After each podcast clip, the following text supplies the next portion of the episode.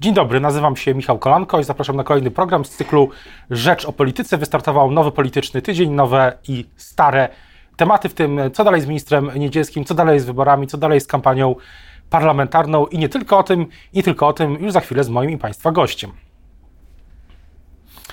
Dzień dobry, Państwa i moim gościem jest dzisiaj Radosław Fogiel, szef Sejmowej Komisji Spraw Zagranicznych, poseł e, na Sejm. Dzień dobry. Dzień dobry, witam serdecznie. Właśnie tak jak e, w zapowiedzi, co dalej z ministrem Adamem Niedzielskim? Utrzyma stanowisko? O losie wszystkich ministrów decyduje pan e, premier, oczywiście w konsultacji ze swoim e, zapleczem parlamentarnym. I w tej chwili sytuacja wygląda tak. Rzeczywiście jest pewna dyskusja, tylko ja mam wrażenie, że w tej dyskusji umyka, albo wielu się stara, żeby umknęło clue całej sprawy. To znaczy, na jednym poziomie to jest kwestia o której wczoraj dość e, jasno mówił rzecznik Ministerstwa e, Zdrowia. Mieliśmy do czynienia z sytuacją, w której lekarz w jednej z, e, z większych telewizji w Polsce de facto straszył pacjentów, że po wyjściu ze szpitala nie będą mogli otrzymywać leków. I minister Niedzielski postanowił udowodnić, że jest to kłamstwo. Jedna rzecz, panie pośle, mówi pan dyskusja, ale dyskusja wewnątrz obozu władzy o dymisji? Nie, mówię o dyskusji w, wśród, no, może nie opinii publicznej, bo, bo ja zawsze staram się nie, nie, nie, nie przesadzać nadmiernie z, z taką wiarą, że większość Polaków jest zainteresowana tym, o czym my tu w Warszawie dyskutujemy, no ale powiedzmy w, w, w tej takiej bańce medialno, medialno-politycznej.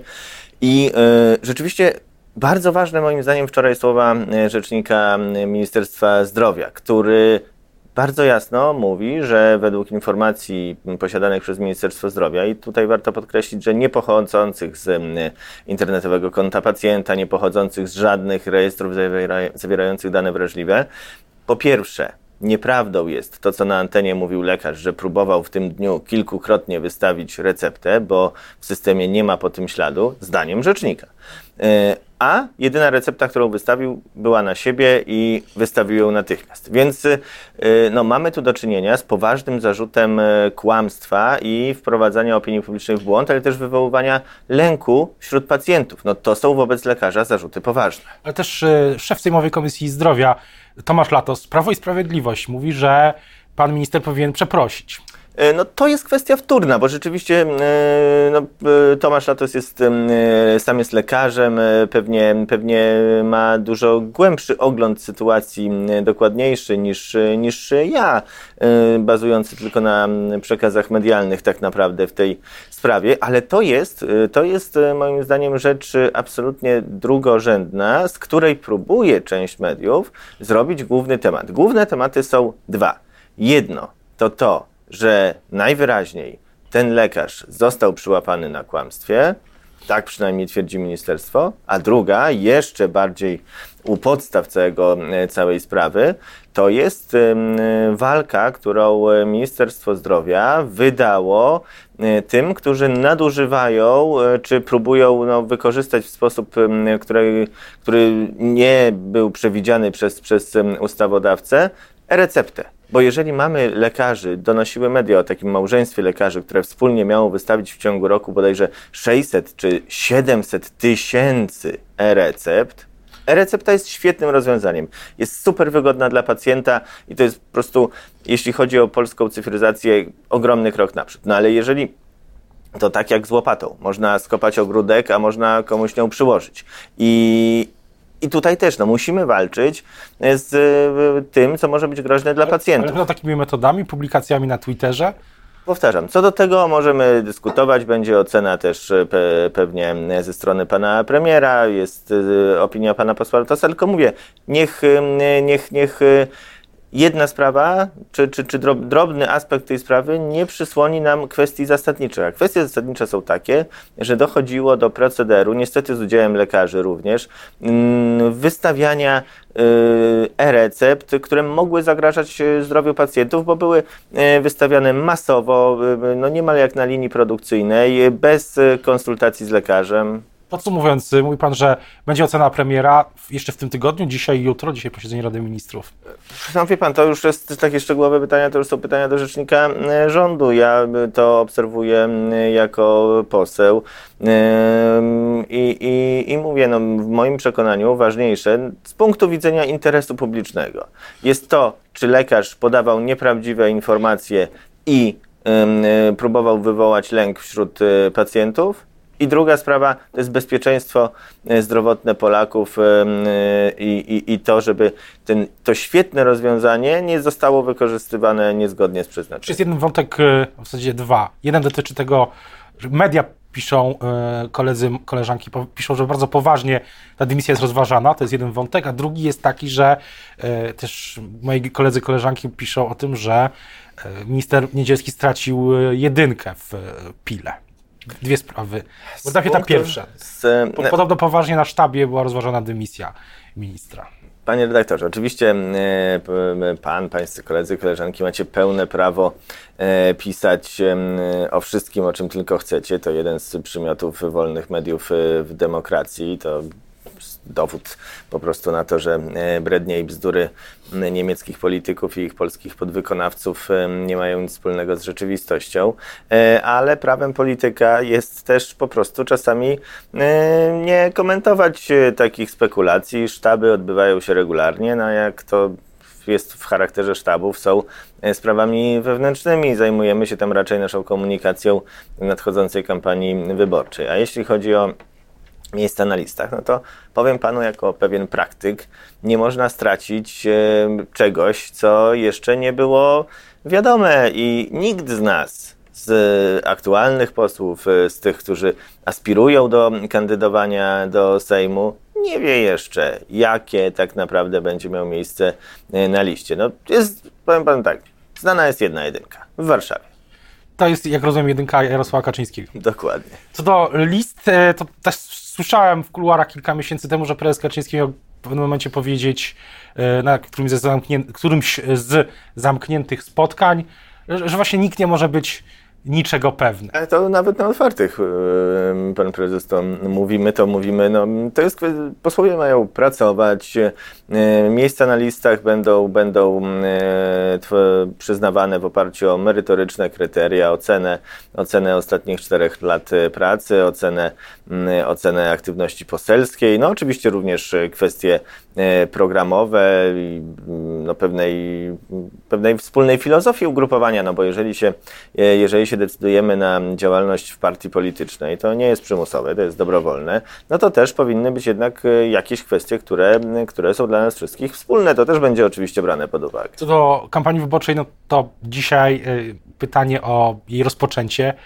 E, dlaczego prezydent nie ogłasza wyborów, chociaż może? No ale to, pan, dlaczego, Ostatnio... dlaczego rozmawiamy na siedząco, a nie na stojąco, chociażbyśmy mogli? To trochę pytanie z tego, z tego gatunku. Pan prezydent ma czas e, określony. Wczoraj chyba nawet by, było to pytanie, kiedy pan prezydent podpisywał e, ustawę wprowadzającą 800. E, kolejny milowy krok, jeśli chodzi o e, wsparcie dla rodzin ze strony Prawa i Sprawiedliwości. I pan prezydent powiedział, że proszę się nie martwić. Pan prezydent czy rzecznik, już nie pamiętam, proszę się nie martwić, w terminie konstytucyjnym ten termin wyborów zostanie ogłoszony. I tyle. I ja mam wrażenie, że e, nawet, że to pewnie też kwestia trochę sezonu ogórkowego, e, że media żyją tym tematem dużo bardziej niż politycy, którzy osobiście w zasadzie są zainteresowani tym, kiedy kampania się kwestie zacznie. Kwestie formalne, kwestie finansowe, kwestie pewnej równości sytuacji, to wszystko o tym się, o tym się mówi. To nie jest sezon ogórkowy, już dawno e, takiego pojęcia, takiego sezonu w Polsce nie było. To bardzo poważne, poważne pytanie. Prezydent mógłby zrobić to dzisiaj. Mógłby, ale mógłby zrobić jutro, mógłby zrobić pojutrze i mógłby tak zrobić do 14 i po prostu no, to jest jego konstytucyjna prerogatywa. Ja nie zamierzam się za niego wypowiadać, nie zamierzam w żaden sposób czegokolwiek e, sugerować. E, no, szanuję po prostu uprawnienia prezydenta. A powinien to zrobić? Zapytam inaczej. No, konstytucja go do tego obliguje. Powinien do, 14, do 14. Powinien, czy powinien zrobić to szybko? Wie pan, no to jest pytanie z kategorii dość abstrakcyjnych. No, Ktoś powie, że powinien, ktoś powie, że nie powinien, ktoś e, powie, że nie teraz, bo, bo nie wiem, w środę ma dentystę. Wie pan, no to jest po prostu, jest jeden człowiek w Polsce, prezydent Rzeczypospolitej, który podejmuje taką decyzję. Czy ona jest dla kogoś wygodna, czy niewygodna, czy ktoś chciałby tak, czy chciałby inaczej. Konstytucja mówi bardzo jasno. Inna rzecz, w tej prekampanii wyborczej widziałem od dziś, dzisiaj rano w mediach społecznościowych nowy temat ze strony Prawa i Sprawiedliwości, czyli premier Morawiecki chce debatować z Manfredem Weberem. Jaki to ma sens? No, e, to może nie jest temat ze strony Prawa i Sprawiedliwości. To sam Manfred Weber wczoraj e, bardzo ostro zaatakował polski rząd i Polskę de facto. E, szef niemiecki, niemiecki parlamentarzysta, szef Europejskiej Partii Ludowej, czyli tej, do której należy Platforma i PSL, mówi, że władza, którą wybrali Polacy w demokratycznych wyborach, jest dla niego przeciwnikiem, wrogiem, bo jest spór wobec, wobec tłumaczenia. Nie ma sensu zagłębiać się w imponterabilia. Niektóre słowniki e, e, tłumaczą de Geigna również jako wróg, nie tylko jako przeciwnik, ale zostawmy to. I mówi, że będzie zwalczał. Mówi, że będzie zwalczał ugrupowanie rządzące w Polsce, które zostało wybrane głosami Polaków. Więc jeżeli pan Weber tak odkrywa karty, że ma intencje e, ingerowania w polskie wybory, to nie ma sensu e, dyskutować z polskimi podwykonawcami niemieckich e, zadań w Polsce.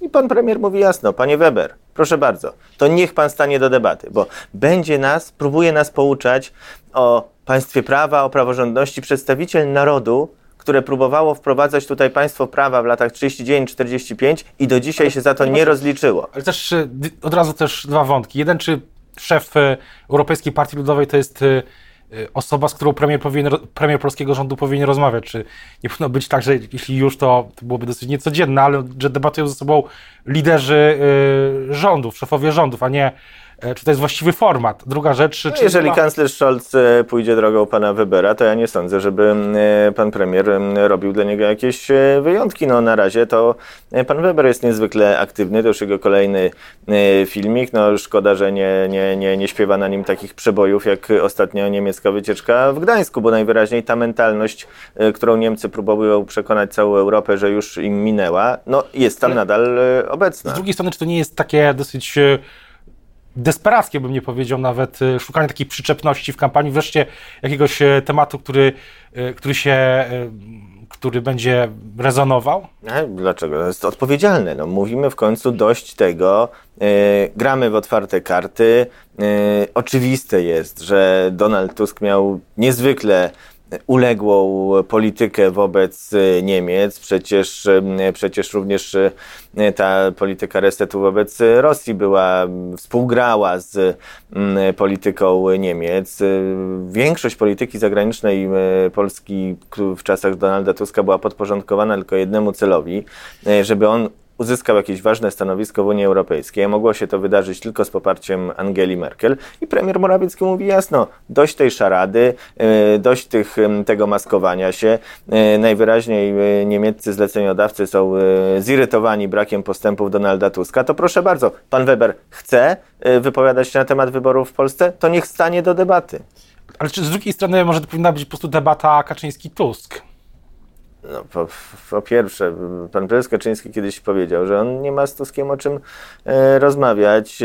E, E, przynajmniej do czasu, kiedy Tusk nie, nie przeprosi za, za lata dzielenia Polaków, za lata obelg, stosowania języka nienawiści, e, począwszy od tych niesławnych moherowych beretów, które to on wprowadził, to on wprowadził palikota, który absolutnie zniszczył język debaty publicznej i tak dalej, i tak dalej. No o czym z, czymś, z kimś takim mamy rozmawiać? No, facet e, jakiegoś e, języka spod pod budki z piwem używa na e, wiecach, a my mamy traktować go e, poważnie. Jak no, widać wiecach e, prezes Kaczyński e, też nie oszczędza. E, no, prezes Kaczyński, prezes Kaczyński dokonuje mocnych, Wrogi, mocnych ocen. W wywiadach również, też niedawno nazwał pre, przewodniczącego Tuska, byłego premiera wrogiem narodu wręcz. No przepraszam bardzo, jeżeli pan Tusk, to jest po prostu dowód tego, że pan prezes Kaczyński jak zwykle był dwa kroki przed wszystkimi. Dosłownie kilka dni później Donald Tusk dał niepodważalny dowód tej słuszności tej oceny. Jeżeli na Białorusi gromadzą się bojownicy Wagnera. Stany Zjednoczone uznają, że jest to zagrożenie. Litwa, która jest w podobnej sytuacji jak my oczywiście, a wychodzi Donald Tusk i, i robi sobie żarciki i jeszcze do tego bardzo, bardzo nieładne sugestie pod adresem Prawa i Sprawiedliwości, de facto bagatelizując zagrożenie dla państwa polskiego. Panie dyrektorze, kto bagatelizuje zagrożenia dla polskiego państwa? Wrogowie czy przyjaciele? Do tej, sprawa jest chyba jasna. jeszcze do tej prekampanii tych aktualnych lub nieaktualnych tematów. E, temat referendum aktualny? Będzie to referendum? Jakie naturalnie, że, naturalnie, że aktualny, bo aktualne jest to zagrożenie, e, czyli, czyli próba, e, próba wypchnięcia do Polski nielegalnych migrantów z takich krajów jak, jak Niemcy, z takich krajów jak Francja czy inne, które prowadziły przez lata nierozsądne, błędne polityki migracyjne, a teraz by chciały, żeby Polska za to y, zapłaciła. No, na to naszej zgody nie ma i tutaj Polacy muszą się wypowiedzieć. Zapadła już decyzja, przepraszam, wejdę panu słowo, jakie, są, jakie będą pytania, czyli jedno pytanie, więcej zapadnie, pytań? Zapadnie w parlamencie już pewnie niedługo. Drugi temat, y, którym też politycy PiS y, wiele mówili, a później przestali, to temat komisji, która miała badać e, wpływy Rosji w Polsce. To ona w ogóle powstanie przed wyborami? E, ja mam taką nadzieję. No, liczę, że powstanie jak najszybciej. Pan prezydent podpisał kilka dni temu e, ustawę. Czekamy na rozpoczęcie procedury zgłaszania kandydatów, bo Polacy zasługują na tę wiedzę. Polacy zasługują. E, to, co pokazali e, autorzy tego serialu dokumentalnego Reset, to jest tak naprawdę tylko czubek góry lodowej, tylko troszkę poskrobali z wierzchu i tam już pojawiały się sprawy dramatyczne. No, ukrywanie przed prezydentem RP e, propozycji rozbioru Ukrainy składanej przez Putina, czy na przykład chowanie w sejfie listu prezydenta RP do głów, do szefów, państw, szefów i głów państw krajów NATO e, dotyczącego bezpieczeństwa Gruzji nie, nie, i, i nie, niebezpieczeństwa ze strony Rosji, po to, żeby on do nich nie dotarł na, na czas. No tam jest przecież e, notatka jednego z pracowników MSZ, że minister Sikorski polecił, żeby ten list przeleżał do poniedziałku w sejfie, co de facto sprawiło, że on nie dotarł do adresatów. No przecież to są sprawy horrendalne. Co będzie w tej komisji, bo było wiele spekulacji, żadne nazwiska się oficjalnie nie pojawiły. Więc ja nie będę dorzucał do tych spekulacji. Jak będzie mm, już e, możliwość zgłaszania kandydatów, to my jako Prawo i Sprawiedliwość ich zgłosimy. Mam nadzieję, że opozycja pójdzie po rozum do głowy e, i w tak ważnej sprawie dla, nie dla nas, nie dla parlamentu, dla Polaków, bo Polacy zasługują na, na przejrzystość i naprawdę e, przestanie chować głowę w piasek i udawać, że, że nic się nie stało i też zgłosi swoich kandydatów, bo proszę bardzo, no to chodzi o to, żeby tutaj mm, rzeczywiście komisja opozycja pracowała, no ale jeżeli opozycja ich nie zgłosi, to my staniemy na wysokości zadań. Co do tej kampanii, prekampanii wyborczej, to jest pytanie też e, na koniec o, mm, o jej ton. Czy nie ma Pan poczucia, że następuje taka, następuje taka erozja tego tonu? Nawet e, w trakcie naszej rozmowy mówi Pan, niemieccy podwykonawcy, mm, to wszystko jest, wydaje się, że dużo ostrzejsze niż było rok temu, pięć lat temu. No my nie możemy też stać i nadstawiać nieustannie kolejnych policzków, bo nam w końcu policzków zabraknie. Jeżeli, jeżeli druga strona postanowiła prowadzić kampanię w ten sposób, to my oczywiście z pełną kulturą i w granicach, które charakteryzują ludzi cywilizowanych, ale będziemy odpowiadać stanowczo. Nie ma pan poczucia o tym, y, nie ma pan poczucia, że w tej prekampanii Prawo i Sprawiedliwość ma swój szklany sufit, którego nie jest w stanie przebić, te 30 parę procent. I niezależnie od tego, czy są tematy dotyczące referendum, czy tej komisji, czy Donalda Tuska, czy, czy jeszcze jakieś inne, ten szklany, szklany sufit jest twardy. Ja trochę przestałem wierzyć w szklane sufity w, yy, wraz ze zwycięstwem Andrzeja Dudy, któremu nikt nie dawał szans i Komorowski miał wygrać w pierwszej turze yy, wraz z yy, faktem, że Prawo i Sprawiedliwość drugą kadencję rządzi i nie jest niczym nadzwyczajnym rządzenie przez partię 3-4 kadencje. To w wielu krajach europejskich jest y, absolutną normą. W związku z czym wierzę, że jesteśmy w stanie uzyskać poparcie Polaków. Y, sondaże, no najważniejszy sondaż będzie tej jesieni, a dzisiaj też duża część naszych rodaków jeszcze cieszy się wakacjami, jeszcze nie żyje polityką. To powtórzę to, co powiedziałem na początku sądzenie przez polityków i dziennikarzy na podstawie siebie i swoich warszawskich znajomych bardzo często się nie sprawdza. Co do tego, jak będzie wyglądała prekampania e, wyborcza i kampania wyborcza, będziemy do tego oczywiście wielokrotnie jeszcze wracać. Teraz bardzo już dziękuję za rozmowę Państwa i moim gościem dzisiaj był Radosław Fogiel, szef Sejmowej Komisji Spraw Zagranicznych, poseł na Sejm. Dziękuję bardzo. Dziękuję serdecznie.